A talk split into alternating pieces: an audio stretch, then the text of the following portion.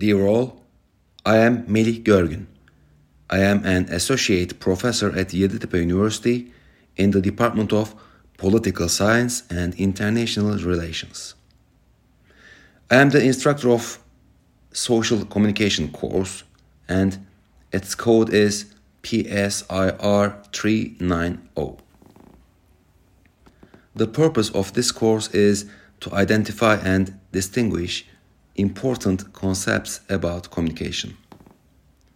During the semester, we will discuss general dynamics of communication, types of communication, communication between generations, culture and communication, and also international migration and communication, perception and self, listening, lying, nonverbal communication, creativity and innovation, and some important presentation skills.